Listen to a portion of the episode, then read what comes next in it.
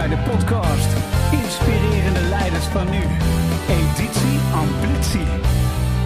En vandaag zijn dit mijn gasten.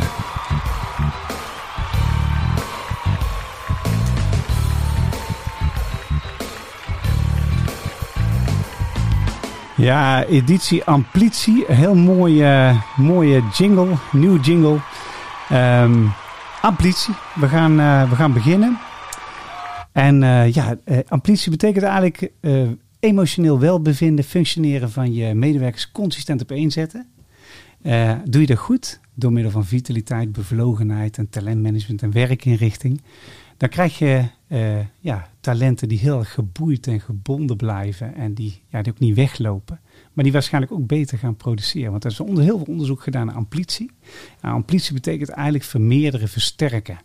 En uh, in deze tijd is amplitie, daar voorspel ik, de toekomst van werk. Dat is hoe uh, organisaties zou moeten doen. Vandaar dit thema. En we zitten hier met hele leuke gasten, drie op een rij.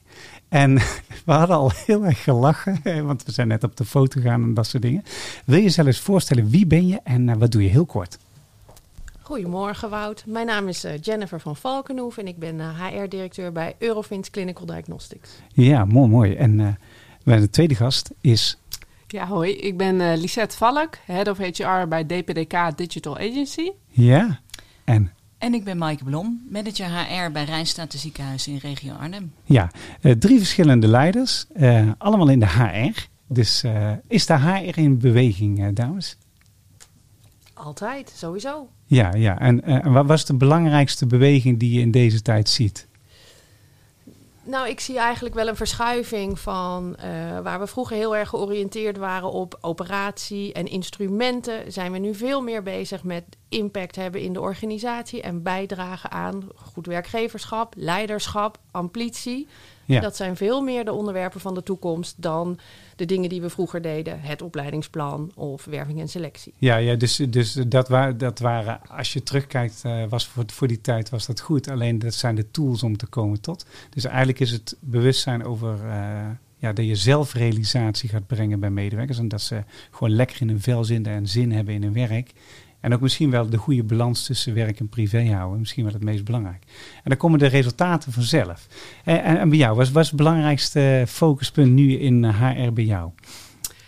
Um, nou, wat er bij ons op dit moment heel belangrijk is, is uh, wij hebben ook een grote um, groep mensen die buiten Nederland aan het werk zijn. En natuurlijk is dat een hele grote plus, want dat kan uh, ingegeven door COVID is dat allemaal ook een stuk makkelijker geworden. Ja. Uh, en tegelijkertijd uh, zorgt dat er ook voor dat je dus niet meer, met elkaar direct in verbinding, althans in een live verbinding staat. Dus om daar een ja, nieuwe weg in te vinden en te kijken hoe kunnen we toch zorgen dat iedereen zo betrokken mogelijk blijft um, bij de organisatie. Uh, en, en bij elkaar ook met name, omdat ik denk dat het heel erg bijdraagt ook aan het werkgeluk van mensen. Ja. Um, maar toch ook gebruik te maken van de mogelijkheden die er zijn om uh, ja, eigenlijk over de hele wereld te kunnen werken. Ah, oké. Dus, dus eigenlijk de hele manier van werken verandert ook. Ja. Ja. ja, het is wel grappig, want ik had een uh, vriend die werkt bij Microsoft. Dus ik had er afgelopen week toch iemand op bezoek. Hij zegt, uh, ja, die vroeg van, uh, ja, die baan prima. Ja, de salaris niet helemaal wat het zou moeten zijn, maar Um, hij zegt, ik heb wel een vraag. Kan ik ook hier uh, drie, drie dagen werken? dus uh, uh, ja, de, ja, ja, dat kan. dat kan. Deeltijd doen we ook wel. Niet preferabel voor deze baan, maar we, do, we doen het wel. kan het ook vanuit Spanje? en, die, en die vragen waren er vroeger waren er niet. En nu zijn ze er in één keer. Hè? Ja, het is echt een heel nieuw thema. Um, ja, nieuw thema ja. geworden. Hey, en met betrekking tot uh, betrokkenheid, hè? want betrokkenheid is super belangrijk, anders dan gaan mensen niet blijven. Hè? Dus als mensen zich betrokken voelen bij je organisatie, dat is een hele belangrijke pijler. Hoe, hoe creëer je dat binnen je organisatie? Wat doe je dan? Ik denk dat betrokkenheid heeft uh, heel erg veel te maken met het geven van eigen regie aan medewerkers. Ja. En daar zit weer de link met jouw introductie op amplitie. Um, want het voelen van die eigen regie en uh, uh, autonomie is zo belangrijk om vorm te kunnen geven aan jouw werkgeluk. Ja. Ik kan dat als werkgever niet bepalen. Ja. Uh, ik denk dat wij als werkgevers een belangrijke rol hebben om de ruimte te geven en te creëren van mensen om zelf invulling te geven aan wat hun boeit en bindt. Ja. En daar kunnen wij allerlei instrumenten en, in aanbieden. Ehm, maar ook de ruimte is een belangrijk. En die noem ik expliciet omdat toenemende werkdruk natuurlijk een ontzettende uitdaging is voor ons allen om binnen die toegenomen werkdruk, als ik dan even kijk naar de zorg, uh, in te zetten op het creëren van ruimte van mensen om reflectie te plegen, verbinding te maken met elkaar. en dat heeft, daar heb je wel wat ruimte voor nodig. Ja, zeker. Dat is de uitdaging. Ja. Ja, ik denk inderdaad ook dat het, dat het dus met name belangrijk is ook om als HR een rol te spelen in ehm, ehm, mensen te faciliteren hoe ze daarmee om kunnen gaan. En hoe ze dat zo goed mogelijk kunnen uitvoeren, zodat ze ook uh, het beste van zichzelf kunnen, kunnen geven. En dat dat eigenlijk ook een andere insteek is uh, aan het worden is dan uh, wat moet je allemaal doen op een dag. Ja, dus het is geen taak meer vervullen, maar het is bezig zijn met iets wat de organisatie dient. Ja, ik had Bob Hutte in uh, serie 4 zitten. Die heeft de Verspilfabriek onder andere. Dus van Hutte Catering. En uh, die doet hele mooie dingen tegenwoordig trouwens. Echt prachtig. Weet je wel, ik had me uitgenodigd thuis. Hij heeft een hele grote boomhut, maar dan echt zo'n boomhut die je in films ziet. En je denkt van wauw. En daar hield hij gesprekken over geluk. En die zei, in mens is, is uh, er zijn eigenlijk drie dingen waar mensen gelukkig van worden. Heb je voldoende lief gehad en gehouden van? Heb je uh, betekenisvol je talent ingezet. En vooral met wie heb je dat samen gedaan en met wie heb je dat verschil gemaakt. Ik dacht van, oh ja, dat is de essentie van leven. Oh, er zijn heel veel bedrijven die daar inderdaad over na aan denken zijn, weet je wel. En, en niet alleen de bedrijven. Mensen thuis zijn na COVID-tijd ook ontzettend gaan nadenken over zingeving. Hè. Vandaar dat zoveel mensen zeggen, ik neem een sabbatical. Nee, het is niet alleen maar werken wat hier de klok slaat. Hè. Dat is een beetje... Oké, hey, uh, ik ga een werk voor met jullie doen. En de eerste die ik ga doen met jullie, uh, dat vind ik gewoon heel gaaf, is ik wil eens even jullie verhalen horen. Is dat een goed idee? That's. Take you higher. That's alright. I'm gonna take you higher. Your story.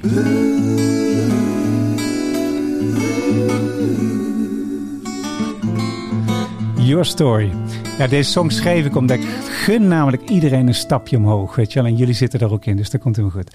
Vertel eens, uh, Maaike, wat, is jouw, wat is jouw verhaal wat je kwijt wil aan de luisteraar? Wat vind je je meest belangrijke boodschap die je wil brengen? Je hebt die vraag van tevoren ook uh, gesteld. En um, het onderwerp is amplitie. En uh, wat ik belangrijk vond om mee te geven hier is dat als we het hebben over ambitie, uh, talentontwikkeling, inzetten op uh, de vaardigheden waar je goed in bent, kan dat nooit in mijn ogen zonder ook te kijken naar de andere kant van de medaille. Ja, en wat is die? En nou ja, dat is, dit heeft voor mij te maken met het dragen van jezelf en vanuit de organisatie het dragen van het geheel. En wat is die? Dat heeft te maken met de zaken waar je met je donkere kanten. De zaken waar je niet zo goed in bent. De zaken die jij liever onder het vloerkleed stopt. Omdat je je daarvoor schaamt of waar je niet trots op bent. Ja. En ik denk dat we uh, dat uh, als jij je talenten uh, vol tot wasdom wil laten komen, dan is het ontzettend belangrijk dat je jezelf durft, durft te dragen. En wat ik daarmee bedoel is dat je uh, de kwetsbare kanten, de zaken waar je je voor schaamt, dat je die onder ogen durft te komen en daar zelf verantwoordelijkheid voor neemt. Want op het moment dat je dat doet, dan kun je echt gaan groeien uh, op een manier. En of dat nou, wat jij, jij zegt, hoger. Hoger. Ik zie ja, hoger of naar links of naar rechts. Het gaat, gaat om die groei en de ontdekking van, van jouw eigen kern en wat jouw talenten zijn. Dat kan niet alleen als we kijken naar, naar je eigen talenten. Maar kijk ook, durf ook te kijken naar de andere kant van de medaille. Ja, nou, nou, nou heb jij een heel interessant nummer, want we gaan je even voorstellen aan de kijker. Uh, Welcome to the Jungle. Even luisteren hoe dat ook weer klonk. Ja. Ik ben heel benieuwd eh, wat de relatie is.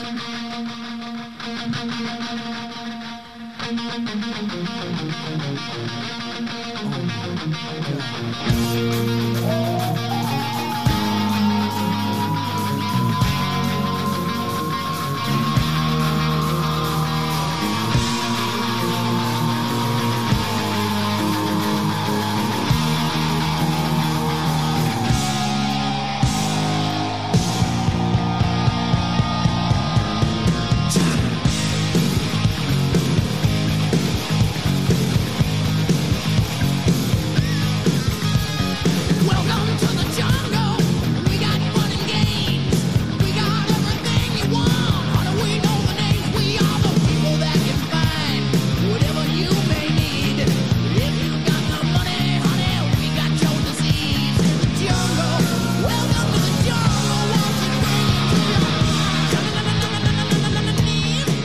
Welcome to the Jungle Guns N' Roses. Een van mijn eerste cd's. Uh, uh, allereerst, waarom dit nummer? Nou, ik moet zeggen, mijn man moest ontzettend hard lachen toen ik zei dat ik dit nummer had opgegeven. Want ik sta nou niet te boek als een hardrock fan, maar ik vind het een fantastisch nummer. Ja.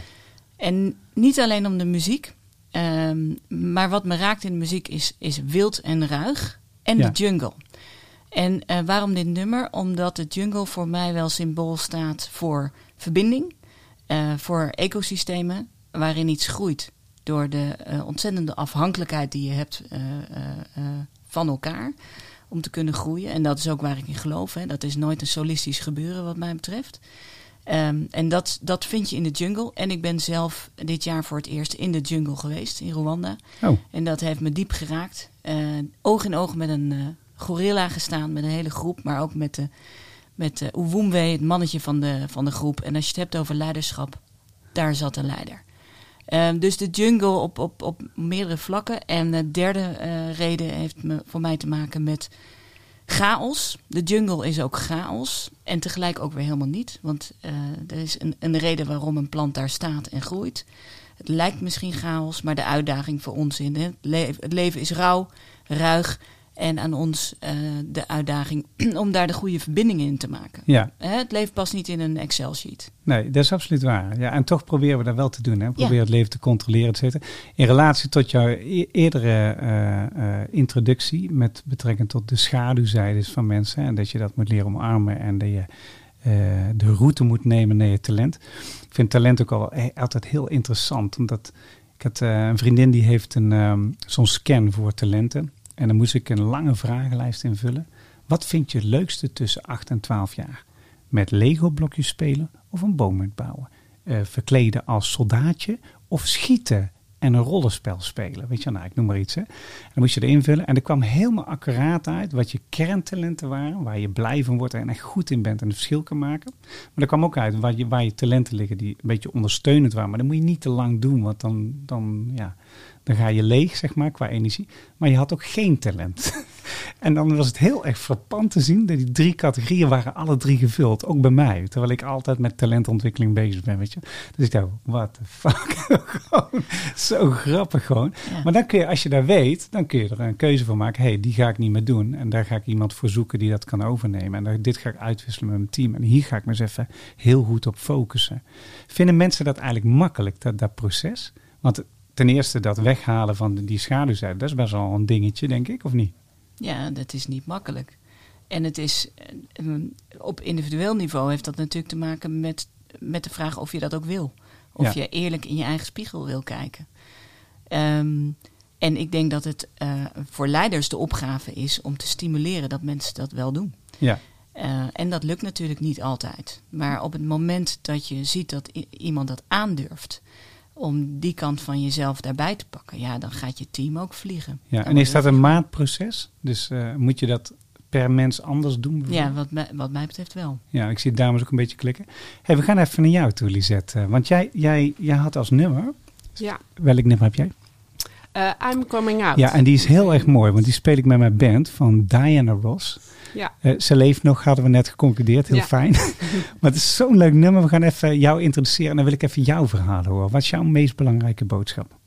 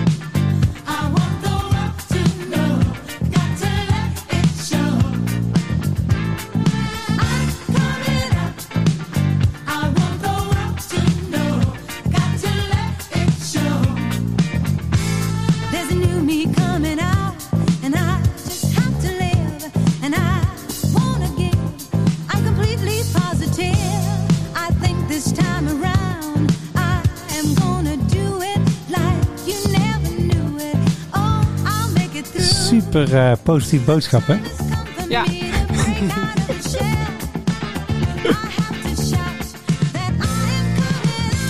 Dat is heel grappig, want uh, de tijden zijn ook veranderd. Hè? De, mensen luisteren tegenwoordig nooit meer uh, uh, zo dedicated muziek. Hè? Ze skippen heel veel.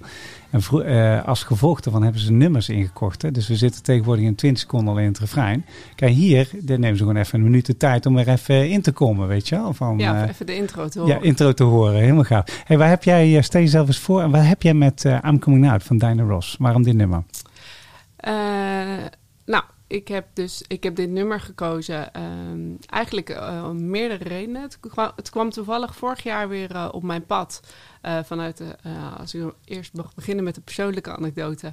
Ik ben ik ging na 17 jaar weg bij mijn eerste werkgever. Ja. En ehm, eigenlijk een, een van mijn eerste leidinggevenden die altijd voor mij heel inspirerend is geweest. Die de eerste was die mij um, nou ja, zag, of hè, potentie zag en die, die voor mij daarin een belangrijke rol heeft gespeeld. Uh, die was al lang weg bij het bedrijf, maar die had in het afscheidsboek had zij uh, ja, eigenlijk mijn journey beschreven aan de hand van een aantal nummers. Ja. En een daarvan uh, was dit nummer. en dat vond ik, dat, ra dat raakte me, maar ik, ik, werd er ook enorm vrolijk van. En ik vond het heel toepasselijk um, ook bij een ontwikkelpad, zeg maar, horen. Uh, in mijn beleving betekent dat ook dat je steeds een klein beetje meer van jezelf kan laten zien. Hè, doordat er dingen gebeuren, of impactvolle momenten of moeilijke, moeilijke zaken op je pad komen. Ja. Uh, dus je pelt jezelf een beetje af, je vindt jezelf opnieuw uit. En dus uh, I'm coming out is dan in één keer, misschien herkennen jullie het, dat je soms weer zo'n moment hebt dat je denkt, oh, ik ben er weer of ja. zo. En, uh, oh ja, dat herken ik wel, ja. Uh, ja. Uh, dus om ook een beetje aan te sluiten bij wat, wat Maaike zegt. Ik denk dat het super inderdaad belangrijk is om ook ja, om jezelf helemaal te omarmen. Dus met alles wat je heel goed kan, maar ook de dingen die je, die je niet zo goed kan. En wat ik persoonlijk iedereen gun, is deze momenten, I'm coming out, dat zo nu en dan te ervaren. En dus ook een bedrijf in een bedrijf dat die boodschap ook uit te dragen en een klimaat of een, een cultuur te creëren waarin die momenten, waarin ook ruimte is voor die momenten, maar waarin ook de veiligheid is uh, om, om zo ver te komen. Dus ja. om ook uh, ja, die ja, donkere die, vlakken van, jezelf ook te kunnen ontdekken. Ja, en die ruimte, want jij noemde dat net ook al, hè, Maaike, van uh, ruimte krijgen of nemen is super belangrijk. Ja. Gunnen mensen zichzelf dat eigenlijk? De, de, want, want enerzijds mag het in een organisatie, is de veilige omgeving er, en geven mensen de tijd ervoor of en net zoals Google, die geeft 20% ontwikkelingstijd op uh, nou, Ja. onderwerp naar keuze. Heel vaak is het dan toch werkgerelateerd, omdat mensen het leuk vinden om disruptief te innoveren op hun bedrijf. Dus dat is gaaf. Mhm. Maar het feit dat ze het geven, uh, is al heel gaaf. En dat leiderschap dat toestaan en bijvoorbeeld uh, fouten maken, mogelijk maken. Ja. Ik had pas iemand, daar vierden ze de fouten. Dus ik, hè, vierden de fouten? Hoe doen jullie dat dan? Ja, de, de biggest fuck-ups, ja, die vieren we elke maand. We vertellen ze aan elkaar. En uh, aan het eind van het jaar is er een verkiezing, de biggest, biggest fuck-up of het year, weet je. Maar toen zei ik van, maar vinden mensen dat leuk? Ja, zeg maar, de, de context is dat het heel veilig is om met elkaar fouten te delen. En dat mensen het leren. En, en daardoor hangt er ook een beetje humor aan vast van wie heeft eigenlijk de grootste lering veroorzaakt in de organisatie, ja. weet je? Nou ja, ik denk, ik denk met name um, uh, de, de nieuwere of de jongere generatie. Uh, die zijn natuurlijk nog meer opgegroeid dan, uh, dan wij hier met social media. En eigenlijk dat alles goed en perfect en moet zijn en leuk. En ik heb leuke vrienden. En dus dat er eigenlijk niet zoveel verkeerd meer mag zijn. En ik denk inderdaad juist dat het heel belangrijk is om, om juist die groep mensen ook uh, te leren dat je, je moet fouten maken. Fouten maken moet. Het is niet van eigenlijk fouten maken mag, maar zonder fouten kun je ook niet groeien. Dus het is heel belangrijk om ja, af en toe gewoon heel hard op je bek te gaan. En dan te na te denken: oké, hoe ja, wat had ik anders kunnen doen? Hoe kan ik hiermee omgaan? En ik denk dus dat het ook voor ons als leidinggevende heel belangrijk is om mensen ook daarbij te begeleiden. En, ja. Um, ja. ja, en met ze dus erover te praten van, nou, weet je, het gebeurt. En uh, ik, ben, ik heb het ook honderd keer al meegemaakt dat er iets verkeerd ging. Dus daarin zelf ook kwetsbaar te kunnen zijn. Uh, en dan gewoon meer te, ja, te, aan te bieden hoe, hoe kan ik jou helpen? Hoe, ja. uh, hoe ga je hiermee om? Ja, want dat is het spel uiteindelijk, ja. wat je met elkaar speelt. Ja, dat is wel mooi. En het zit in een relatie en het zit in je werk, het zit in je vrienden. Ja. Overal maak je dit mee, weet je. Het is niet van één facet, zeg maar. Ja, gaaf. Goeie story. Ja. Dankjewel. hey, een laatste gast uh, die hier zit is uh, Jennifer. Jij, jij had als, um, uh, even kijken, song Somebody to Love. En dit is wel een changer in history geweest, hè? Wat mij betreft wel. Ja, ja we, gaan, we gaan even luisteren met uh, George Michael in Wembley Stadium. Even kijken, welk jaar was dat? 1986? Oh. Later? Ik had het opgezocht, ik ben het vergeten. Ik ook niet. Dan, moeten we, dan houden we het te goed. Van Queen, Somebody to Love, uh, uh, maar dan door George Michael en Queen.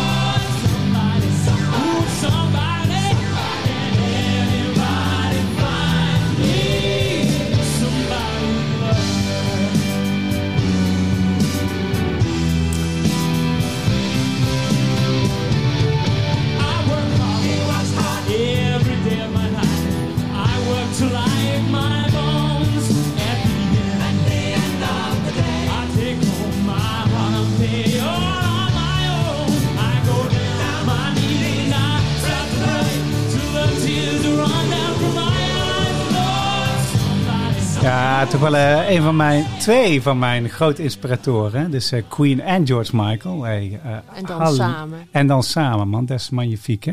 Hey, waar, waar, waarom dit nummer? Eigenlijk om een heleboel redenen. De tekst sluit wat mij betreft helemaal aan bij wat wij net zeggen, wat jullie net zeggen. leren is ongemak. George is hier aan het zingen dat, dat hij struggelt, dat hij vooruit wil. En dat dat heel veel ongemak geeft. En dat is ook wat, wat Maaike zegt. Leren gaat niet... Uh, dat, is niet een, een rozentripje. Daar, zit dat, daar zit die donkere kant ook aan. Je, je, als je leert, kom je er ook achter wat niet gemakkelijk gaat. Ja. En om dat ongemak uh, aan te kunnen durven, heb je een omgeving nodig die gebaseerd is op vertrouwen en respect. Vertrouwen dat je leidinggevende je op je bek laat gaan en je helpt als dat gebeurt. En uh, ook, ook het respect over en weer om daar op een bepaalde manier mee om te gaan. Alleen dan zul je het daarna nog een keer aandurven om je te ontwikkelen en mogelijk op je, nou, zoals jij zegt, Lisette, op je bek te gaan. Uh, ontwikkelen is ongemak, per definitie. En daarom moet in de context, hè, moet je een aantal vangnetten maken of een, een zachte landing gunnen. Ja, mooi gezegd. Dankjewel. Het liedje zelf, hè, daar veranderde de wereld. Uh, Freddy was overleden aan aids, maar dat mocht niet uitgesproken worden. Aids was onbespreekbaar en er stierven ontzettend veel mensen. Ja, dat is fascinerend. Hè? Daar, heb ik, daar had ik nooit gerealiseerd. Hebben jullie die film gezien van Queen, zeg maar, Rhapsody? Ja, met die, ja. En de, ik heb nooit ge gerealiseerd dat het zo is gegaan, joh. Dat, dat uh, heel grote impact, inderdaad. De wereld is daarna veranderd. Ja. Door dat concert, waarbij alle sterren van de hele wereld lieten zien. Wij, zijn hier om uh, Freddie Mercury te herdenken. En daarna kon je het woord AIDS en HIV uitspreken. En was er ook geld om onderzoek te doen. En is de wereld op dat vlak veranderd. Um, ja, en, en dan het concert zelf. Ik geloof niet dat er een, een meer uh, breed gedragen, vaak bekeken uh, concert is dan dat concert. Want iedereen was daar. Ja. Ja, en, en nou, persoonlijke noot. Ik, ik zat uh, een, een, documentaire te kijken over, die, over dat concert. En dan zag je sommige artiesten, nou, die, die deden één keer oefenen en dat was goed. George Michael stond daar vijf dagen lang, twee keer per dag, dat nummer te, te oefenen. Ja, mega perfectionist was hij. En hoe klonk het? Ja, geweldig. Ja, en dat vind ik ook van leren en ontwikkelen. Dat is uh, heartbreak en het is ongemakkelijk. Maar oefenen, oefenen, oefenen. En dan ziet het eruit alsof het geen enkele moeite kost. Ja. Maar die dingen kosten heel veel moeite. En En die moeite, die moet je belonen met vertrouwen en respect. Ja, gaaf. Ja, ja het gaat nooit op zonder struggle. Uh, ik was uh, drie jaar geleden was ik uh, op bootcamp in Noli. En dan hadden we les van Desiree en Duncan Lawrence. En even kijken, wie was erbij? Ralf van Maan, Robin en nog een aantal anderen. En dan leerde je componeren. Nou, componeer ik mijn hele leven al, dus dat is niet het probleem. Maar, maar als je nieuwe dingen leert van mensen die dat op een andere manier doen, ga je in één keer razendsnel omhoog, weet je wel? En uh, die Duncan, die was zo knijtergoed in wat hij deed. Even als voorbeeld, we moesten, uh, had een omdraaioefening.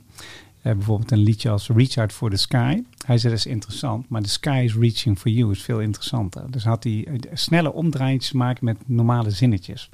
En wat, wat ze dan deden, dan speelden ze een, een, een pianopartijtje of een gitaar. En dan kreeg je drie woorden van het publiek. Dan moest je razendsnel daar zinnen van maken en een song zingen. Instantly. Nou jongen, dat is, dan sta je echt zo, dan, dan is alle vloer is weg. Je hebt helemaal geen enkele vloer meer eronder zitten. En iedereen die loopt, die loopt de handen jongen in het begin. Maar wat dan heel grappig is, je ziet razendsnel dat je aan het groeien bent. Weet je wel, want razendsnel, een dag later kan je het in één keer. Weet je wel? Maar goed, als je dan de master zelf aan het werk ziet. Want we hadden aan het eind hadden we een eindpresentatie in een kerkje in Italië. En dan kwam de dorp uitgelopen met allemaal van die oude mannetjes en vrouwtjes. En die hele kerk zat vol. En wij gingen daar onze songs laten horen. En, uh, en hij deed dat, dat gooi maar eens wat woorden naar me toe en dan ga ik het zingen. En dan deed hij dat helemaal a cappella met de galm van de kerk. Nou, dat was wel zo uh, magnifiek, zeg maar. Dat, uh, ja, zo helemaal, helemaal gaaf.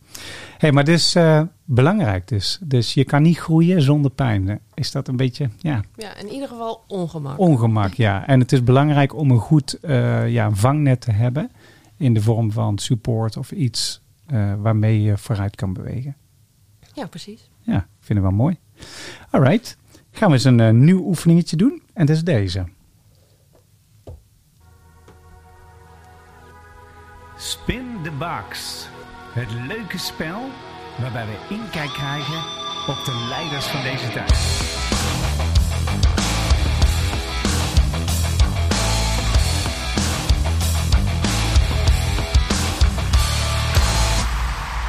Ja, en dit was Reach Out for the Sky. Dus even voor, uh, voor de beeldvorming. Dit was hem.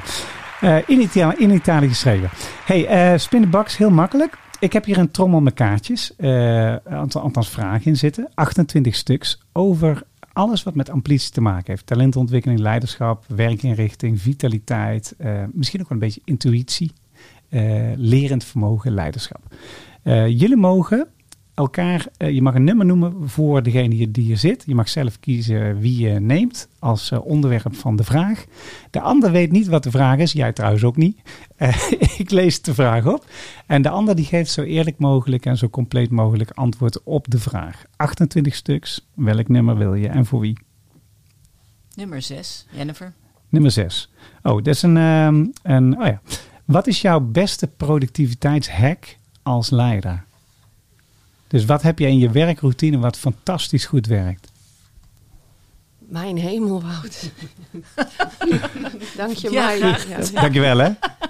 Ehm, we beginnen met nog even de herhaling van de vraag. Ja, toch? ja. nog een keer. Uh, wat is jouw beste productiviteitshack als leider? Dus hetgeen wat je, wat je hebt in je werkroutine hebt zitten, waar je zegt van, nou dat zou ik iedereen moeten doen, werkt fantastisch. Oeh, wil ik dat hier verklappen ook? I don't know.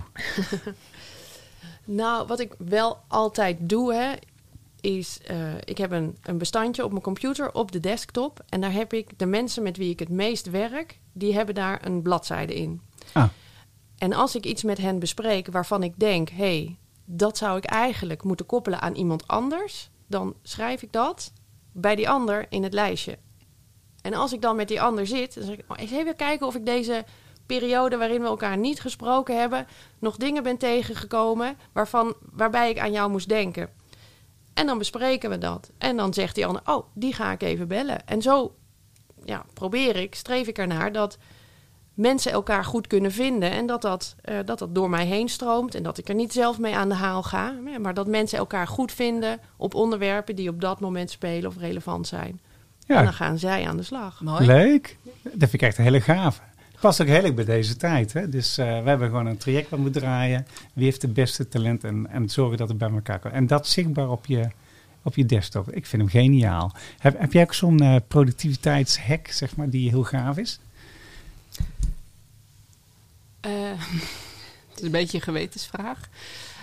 Niet zo'n uh, niet zo eentje als die Jennifer uh, zegt. Ik denk dat mijn productiviteitshack um, een meer zit in af en toe tijd voor mezelf plannen in mijn dag, zeg maar, of in mijn week eigenlijk. Ja. Uh, ik ben iemand die ben nogal enthousiast en gedreven van mijn natuur. Dus als iemand zegt, ik heb dit, dat, goed idee, dan, dan ren ik al, zeg maar, voordat ik um, misschien zelfs voldoende informatie hebt, heb. Dus voor mij is het heel belangrijk om uh, uh, stukken in mijn dag of in mijn week te blokken om bijvoorbeeld te gaan sporten of om even uh, een podcast te luisteren om op die manier ja, mijn, de rust te behouden en steeds ook even uit kan zoomen en weer in kan, en weer in kan zoomen. ja, ja, ja, en Iets, iets wat heel veel mensen eigenlijk nodig hebben. Dus uh, ik, ik, als ik uh, CEO's mentor dan, en ik vraag naar hun agenda, dan staat, zie je één grote blok staan, maandenlang achter elkaar, niks, nergens ruimte tussendoor,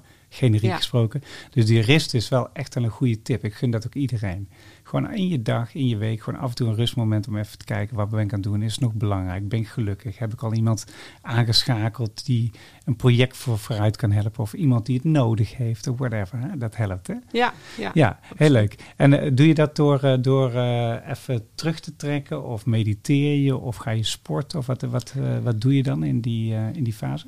Ja, nou hardlopen, hardlopen inderdaad ja. doe ik. Dat, nice. dat vind ik lekker. Uh, en soms ook gewoon een rondje lopen. Dus in ieder geval even weg buiten. Ik luister veel podcasts. Ja. Um, en zo nu en dan probeer ik een meditatie te doen. Maar daar, daar, ben ik nog een beetje mee aan het oefenen. Oh ja, dat is heel goed. Ja, ja ik, heb, ik heb heel veel meditatietrainingen gegeven in het verleden. Uh, maar ik ben erachter gekomen dat ik een 12 minuten meditatie lekker vind. doe ik elke morgen. Synctuition. is heel gaaf. Want dan krijg je 3D-geluid om je heen. En uh, een stem die getuned is op jouw stem, zeg maar. Nou, dan, en 12 minuten ben je klaar en dan weet je wat je moet doen. Nou, helemaal, helemaal top. Dat is mijn hack ja, trouwens. klinkt goed. Ja, klinkt goed hè. hey, en jou? Heb je ook zo'n hack? Ja, die van mij lijkt wel een beetje op die van jou, uh, Lisette. Um, ik loop iedere zondag hard met een hele goede vriendin van mij. Oh, al meer dan tien jaar lang. Ja. En dan spreken wij de hele week door. Ik ben niet zo van de koffietjes. Um, en, en dan lopen we in het bos. Um, en dan uh, kom ik terug en dan heb ik of vaak het idee... Uh, dit geeft mij nieuwe inzichten. Of iets waar ik mee worstel krijgt opeens een goede plek. En dat is voor mij belangrijk ook in het leidinggeven, um, omdat uh, de uitdaging is, zoals jij ook al schetste, Lisette, om niet in die storm te gaan staan, maar om er buiten te blijven staan en te kijken uh, wat er precies gebeurt. Ja. Ik denk dat het onze verantwoordelijkheid is om niet onderdeel te worden van het geheel, maar altijd hard te werken om te kijken van hoe blijven we eruit, zien we wat er gebeurt en wat is nou de meest belangrijke interventie of actie die we moeten ondernemen. En dat vraagt voor ons um, af en toe uitzoomen. En ieder op zijn eigen manier. En dat vraagt natuurlijk voor iedereen is dit belangrijk. Maar dit is hoe ik het doe, zondagochtend. Ja, ja en het is ook uh, bewezen dat als je, hè, je hebt je snelle en je langzame brein. En je snelle brein is je automatische, intuïtieve brein. En je langzame brein, dat is het reflecterende brein. Maar iedere mens die rust neemt en terugreflecteert en dan kijkt van wat moet er gebeuren, neemt betere beslissingen. Wat niet wil zeggen dat je intuïtie niet mag volgen, mag natuurlijk wel. Maar in de haast zie je het vaak niet helemaal goed. Dus het is altijd goed om even dan terug te gaan. Oké, eh, een nummertje en een vraag. Uh, nummer 14. Voor? Voor, nou, voor Maaike. Ah, nummer 14, even kijken. Ik weet niet of ik dankjewel moet zeggen. Dat gaan we even afwachten. ja. Dat is, um, hoe neem jij grote beslissingen? Leuke vraag. Ja, dan een aantal dingen schieten door mijn hoofd. Wat is een grote beslissing? Maar daar, daar kunnen we van alles bij voorstellen. Wat voor mij belangrijk is in het nemen van een grote of een belangrijke beslissing, is dat ik alle verschillende partijen die daar onderdeel in zijn, hoor. En dat ik, uh, als die tijd ervoor is, hè, doe, in de COVID-crisis bijvoorbeeld hadden we die tijd niet altijd, maar dat je uh, de, iedereen hoort, uh, zodat alle verschillende invalshoeken op tafel komen. Dat vind ik ontzettend belangrijk. En op basis van die verschillende invalshoeken neem ik dan een besluit. Ja. Um, en dat betekent in veel gevallen natuurlijk dat niet iedereen daarmee eens is, want heel veel beslissingen gaan over veel facetten. Um, waar je vaak in de uiterste moet kiezen. Nou ja, niet, bedoel, dat hoeft niet. Maar wat ik belangrijk vind is dat je, dat je in ieder geval kijkt hoe kunnen we daar gezamenlijk iets van maken. En dat je in ieder geval voordat je het besluit neemt, alle verschillende invalshoeken meeweegt daarin. Ja, ja, mooi. Hebben jullie ook zo'n manier hoe je dat doet? Nou, uh, oh. Ja, ja. Wat Maaike zegt, maar wat ik er de laatste tijd bij heb geleerd, is dat ieder besluit uh, leidt niet automatisch of hoeft niet automatisch naar één mogelijkheid te leiden. Dus ik probeer tegenwoordig voor zo'n besluit zoveel mogelijk opties te bedenken. Wat, wat zou ik kunnen als ik het die kant. Scenario's als het nou ja, ja, ja, scenario's. Hè. Dus een, een vraagstuk heeft meerdere oplossingen. En uh, ik wil gewoon eens even langs die oplossingen wandelen. En dat kan alleen in de vertragingen. Dus wat jij net zegt, in die haast neem je niet altijd de beste omdat je ze niet allemaal bekeken hebt. Dus ik probeer echt de, de verleiding te weerstaan om snel een besluit te nemen. Want belangrijke besluiten zit vaak druk op. Wat jij ook zegt, in de helikopter, vertragen. En kijken, wat kunnen we eigenlijk allemaal? Hebben we alles bekeken wat kan? En dan de partijen zeggen, ja, hè, welke keuze heeft bijvoorbeeld de minste nevenschade... of de minste bijkomende effecten die je niet wil? Nou ja, en zo... Uh, in de, in de rust, in de helikopter, probeer ik een besluit te nemen. Ja, top, top. jij? Ehm, nou, ik herken me ook zeker in deze ehm, methode. Bij mij moet ik wel zeggen dat ik ook wel heel erg. Uh, bij mij begint het altijd bij een soort intuïtieve beslissing die ik dan al in mijn hoofd heb genomen. Dus ik neem de beslissing in mezelf intuïtief wel uh, heel snel. En dan ga ik, wat ik vervolgens doe, is eigenlijk dan ga ik toetsen uh, bij anderen. Dus ik ga informatie ophalen bij anderen. Um, maar vaak helpt het mij dus ook heel erg om met anderen erover te praten. Omdat als ik mezelf hoor praten en ook input krijg van anderen, dan ja, gaat het scherp stellen, zullen we zeggen, beginnen. En dan in sommige gevallen uh, kom ik terug op mijn eerste intuïtieve idee.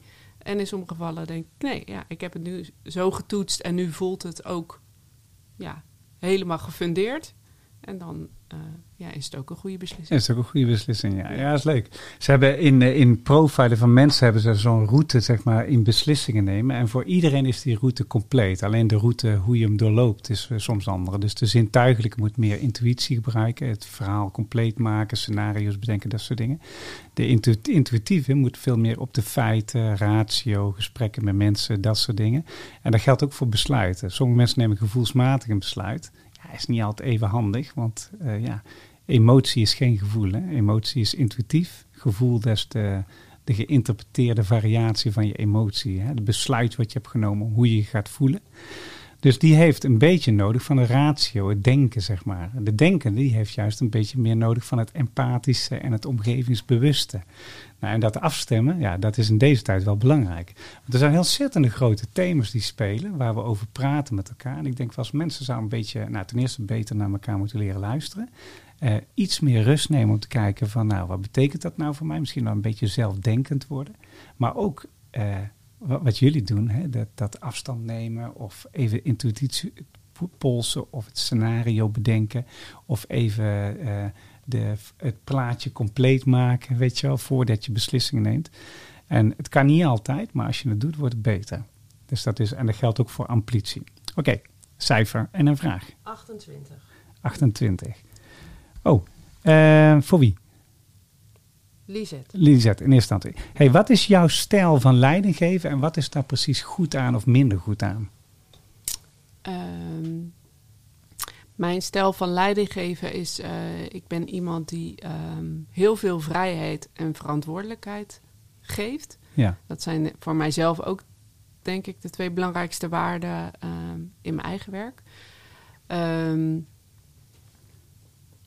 ik vind het heel belangrijk om dus met mensen, met, maar ook met mensen daarin over in verbinding te zijn. Dus ik, nee, ik, dus ik, geef ze ik geef ze veel vrijheid, verantwoordelijkheid, maar blijf wel met ze in contact. door regelmatig gesprekken te voeren. Ehm, niet alleen op de taak, maar ook vooral gewoon op de, op de persoon. Dus op die manier ook een veilige omgeving te creëren waarin ze ehm, eh, nou, hun struggles ook met mij uh, kunnen delen, durven delen en hoe ik ze daar ook dan vervolgens bij kan helpen. Ja. Ja, ik denk dat ik een, een, een mensgerichte uh, leiderschapstijl heb. Ja, leiderschapstijl. En is het coöperatief een beetje? Of dat, dat je het participerend doet, dat mensen, dat je samen zeg maar... Ja, ik probeer wel heel erg um, ook veel te leren van de mensen die in mijn team zitten. Want ik, ik werk met eigenlijk veel jonge mensen, ook uit allerlei uh, delen van de, van de wereld, wat ook echt, uh, ja, heel, echt een toegevoegde waarde heeft op uh, de visie, op, ja, de visie op verschillende situaties. Want verschillende culturen kijken toch weer met een andere bril daarnaar. En ik merk dat mijn gezichtsveld daardoor ook veel breder is geworden.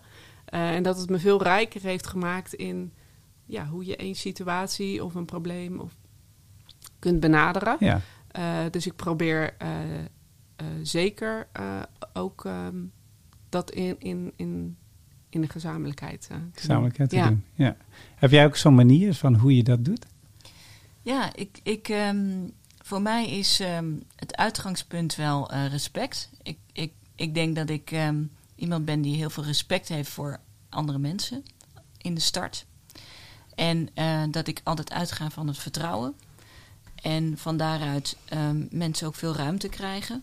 Um, en um, uh, dat, er, um, dat er dus ook veel vrijheid is. Een beetje vergelijkbaar met wat jij zegt, uh, Lisette.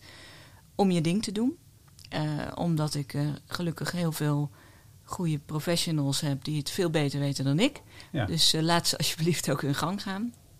en ik denk dat ik daarmee ook in veel gevallen goede verbindingen weet te maken met, met de mensen. waar ik me op moet concentreren en alert op moet zijn, is in sommige situaties moet er snelheid gemaakt worden. En dan vraagt het iets anders. Dan vraagt het soms dat je wat meer de olifant in de porseleinskast bent. Of dat je dus vlotter uh, de uh, beslissing neemt. En dat, dat is minder mijn natuurlijke neiging. Dus daar moet ik me uh, toe zetten. En dat is iets waar we het net hadden over leren en ontwikkelen. Waar ik me in, in ontwikkel. dus de, de, de, de keerzijde of de aandachtspunten van je stijl van leiding geven zitten voor mij daar. Ja, Mooi. Ja. Nee, eh, ik heb ooit zelf uh, het geluk gehad een leidinggevende te hebben waar ik volledig tot bloei kwam. Ja. Ik uh, kwam bij die organisatie werken niet in de beste periode van mijn leven, eigenlijk de slechtste. En deze leidinggevende die kende ik uit een, uit een eerdere baan.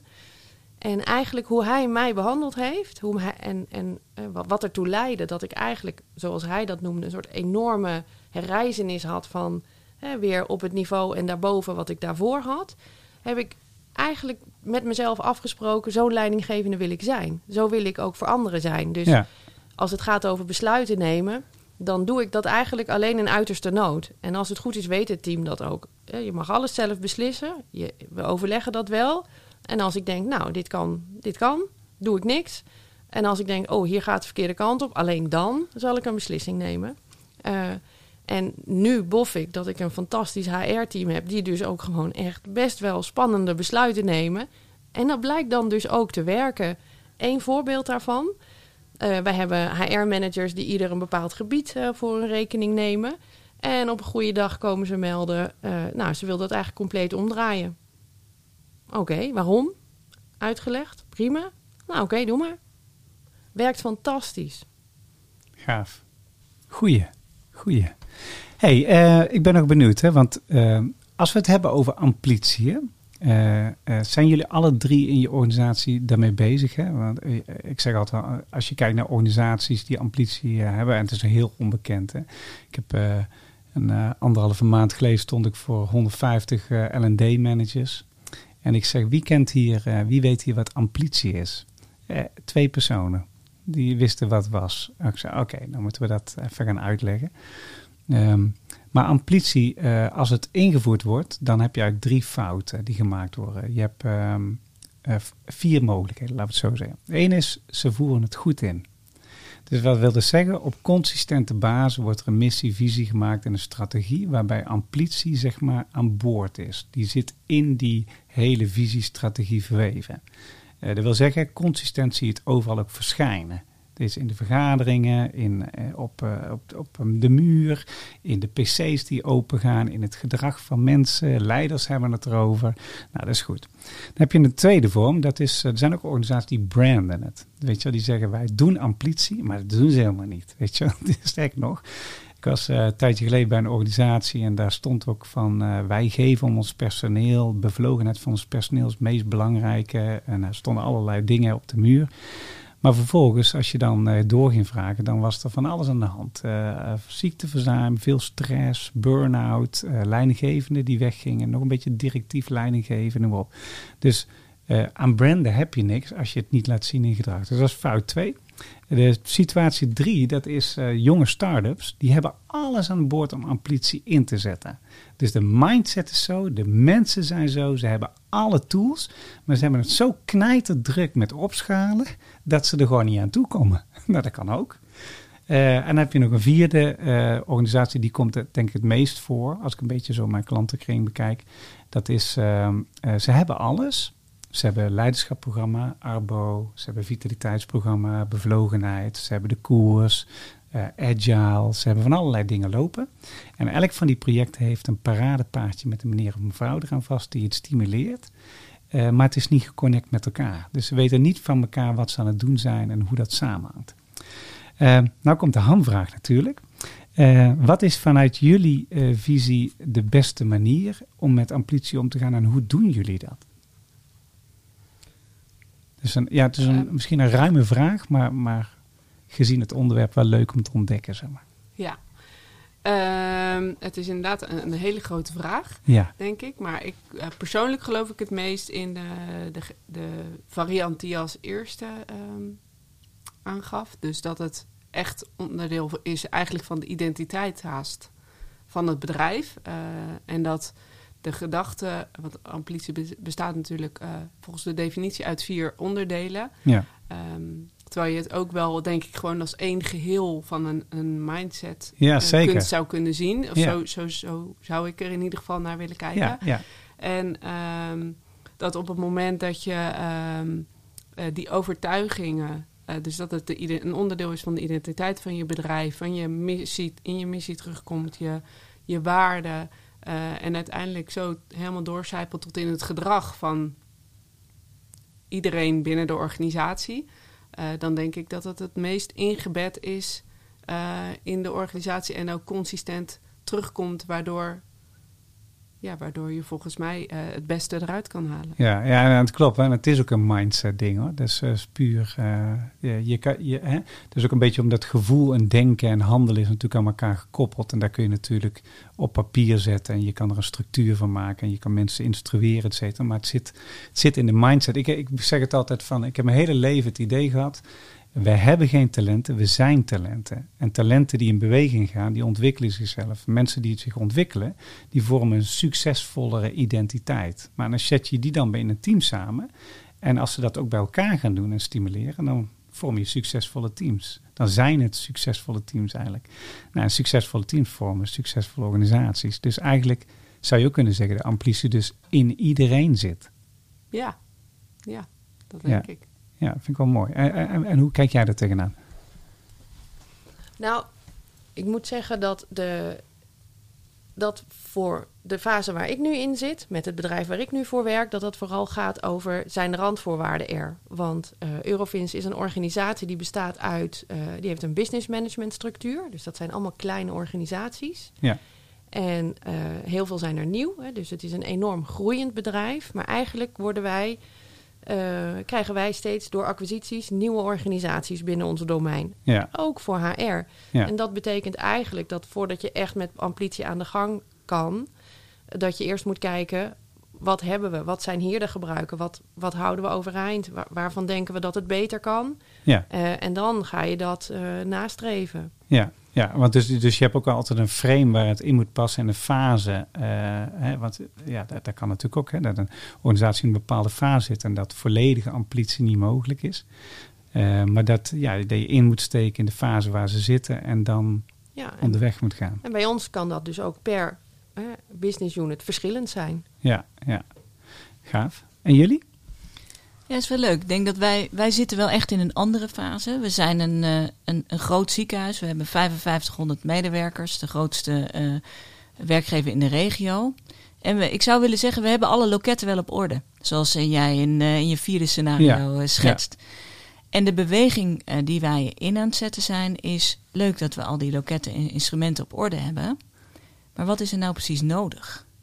Um, dus leuk dat we die Lego-blokjes hebben. Maar waar ligt jouw behoefte en waar wil je, uh, waar wil je mee aan de slag om ja. die talenten te ontwikkelen? En dat vraagt toch vooral ook het goede gesprek. Ja. Op alle niveaus en op alle plekken in de organisatie en in verbinding met z'n allen. Ja. En een voorbeeld daarvan is, we zijn nu bezig om uh, een leiderschapsprogramma te gaan maken. Maar dat begint met een leiderschapsvisie.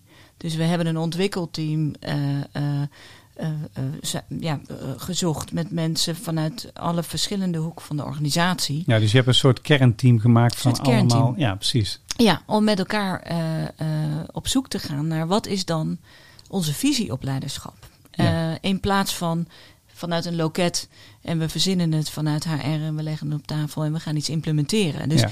we proberen op allerlei manieren zijn we de beweging in het, aan het brengen in al die loketten die er zijn. Ja, ik snap hem. Helemaal top.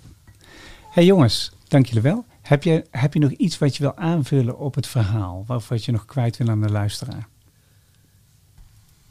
Leuk dat je dat vraagt, want uh, gedurende dit gesprek moest ik steeds terugdenken aan iets wat mij is overkomen op 11-jarige leeftijd. Iets ja. positiefs. Uh, dat was dat ik een goochelaar ontmoette. En uh, dat was op een tennistoernooi. En hij was er om de kinderen een beetje te vermaken. Ik was elf. Hij deed een goocheltruc. Ik was helemaal van de kaart. Uh, het was een kaarttruc ook. Oh, ja. Uh, en hij, hij zei, ja, ik mag dat nooit uitleggen. Maar aan jou ga ik dat uitleggen. En, en die uitleg, daar heb ik vandaag nog steeds wat aan. Hij legde uit, de, ik moest dan, ik had een kaart getrokken en die zou hij dan terugvinden. Nou, hij maakte van 16 kaarten, maakte die vier bloemen op tafel. En ik mocht dan kiezen welke twee bloemen uh, ik weg zou, zou halen. Uh, dus ik kies twee bloemen, hij haalt wat weg. Uh, ik kies nog één, er blijft één bloem over. Van die ene bloem maakt hij vier kaarten, legt hij los. Ik mag er weer twee kiezen. Hij haalt er weer twee weg. Ik kies er één en verdomd, dat is mijn kaart. Helemaal van de kaart. Maar de truc is natuurlijk, hij zegt wijs twee kaarten aan. Hij weet precies waar mijn kaart ligt. De goede kaart ligt er al. En dat is ook heel vaak met dingen als amplitie. maar hij weet het. Dus als ik deze twee kies, dan haalt hij die andere weg. En als ik die andere kies, dan haalt hij die andere weg. Dus hij komt hoe dan ook bij die kaart. Ik ben echt helemaal onder de indruk. En nu kijk ik altijd, de goede kaart ligt er al. Het gaat erom wat je weghaalt. En uh, dat helpt mij vandaag de dag nog. Mooi, echt mooi, super mooi metafoor. Dankjewel. Dankjewel. Heb jij nog iets wat je wil aanvullen op het verhaal? Ben je compleet, nee, zeg hier maar? heb ik niks meer op toe te nee, nee, niks. Nee, ja, geweldige metafoor. Hè? En jij, Maaike? Ja, misschien nog één ding, want we hadden het in het verhaal uh, over leren en ontwikkelen, ook over een veilige omgeving die belangrijk is. Ja. Ik denk dat, daar ben ik het er heel erg mee eens. Maar daarnaast denk ik ook dat het belangrijk is dat die veiligheid in jezelf huist. Ja. En dat je op zoek gaat naar wat heb ik nodig om die veiligheid in mezelf te uh, uh, vinden. Ja. Of op te bouwen als die er nog niet is. Ja. Want als je die kan vinden of kunt ontwikkelen, kun je ook in hele oncomfortabele situaties, zoals ik nu zit met een microfoon en een headset op. Maar inmiddels voel ik me alweer wat comfortabeler. Kun je zitten en dan uh, kun je je weg vinden. Dus ja. dat. Ik vind dat een goede aanvulling. Want uh, dat is ook dat is, bij amplitie is super belangrijk. Uh, als je iets invult, en dat hoor ik bij jullie ook, hè, je hebt een veilige omgeving nodig. Je hebt ook een bepaalde structuur nodig en een leidinggevende die de ruimte geeft om, uh, om het te nemen. Het is heel goed om vanuit verschillende facetten mensen te verzamelen die gaan meedenken, want dan wordt het een gezamenlijk goed. Dan komt ook een beetje wat jij zegt, de mindset erin. Hè? Want het is niet een trucje, het is geen, niet alleen maar structuur. Het is een mindset die in iedereen kan zitten, zodat je elkaar kan stimuleren om de ambitie boven water te halen. En ik vind die, die, die metafoor met die kaarten, die ga, ik die ga ik opslaan onthouden. Want vaak liggen alle dingen, die liggen er wel. Maar je moet weghalen wat overbodig is en gaan focussen op de kern. En dat vergt soms een beetje rust. En iedereen neemt die rust op een eigen manier. En als je daar heel goed in begeleidt als leidinggevende, dan uh, regisseer je, dan faciliteer je, dan plaats je de juiste mensen bij elkaar en dan zorg je dat het gaat ontstaan. hey, dank jullie wel voor jullie komst. Uh, vond je het leuk? ja. Ja, was, ja, vond je het leuk? Heel erg leuk. Ja, heel erg leuk. En ja, een mooi avontuur. Ja, en superleuk gesprek. Dank jullie wel voor jullie komst. Uh, ja, de, de volgende spreekster is uh, Tineke Mijns van Capgemini. Uh, daar gaan we ook een heel goed gesprek mee voeren. ik wens iedereen heel veel plezier bij het beluisteren van de podcast. blijf luisteren, benut je nummer 1 talent, leef met bezieling en leef je dromen. En we gaan eruit met als vanouds met The Song for the People. Uh, gewoon omdat het kan.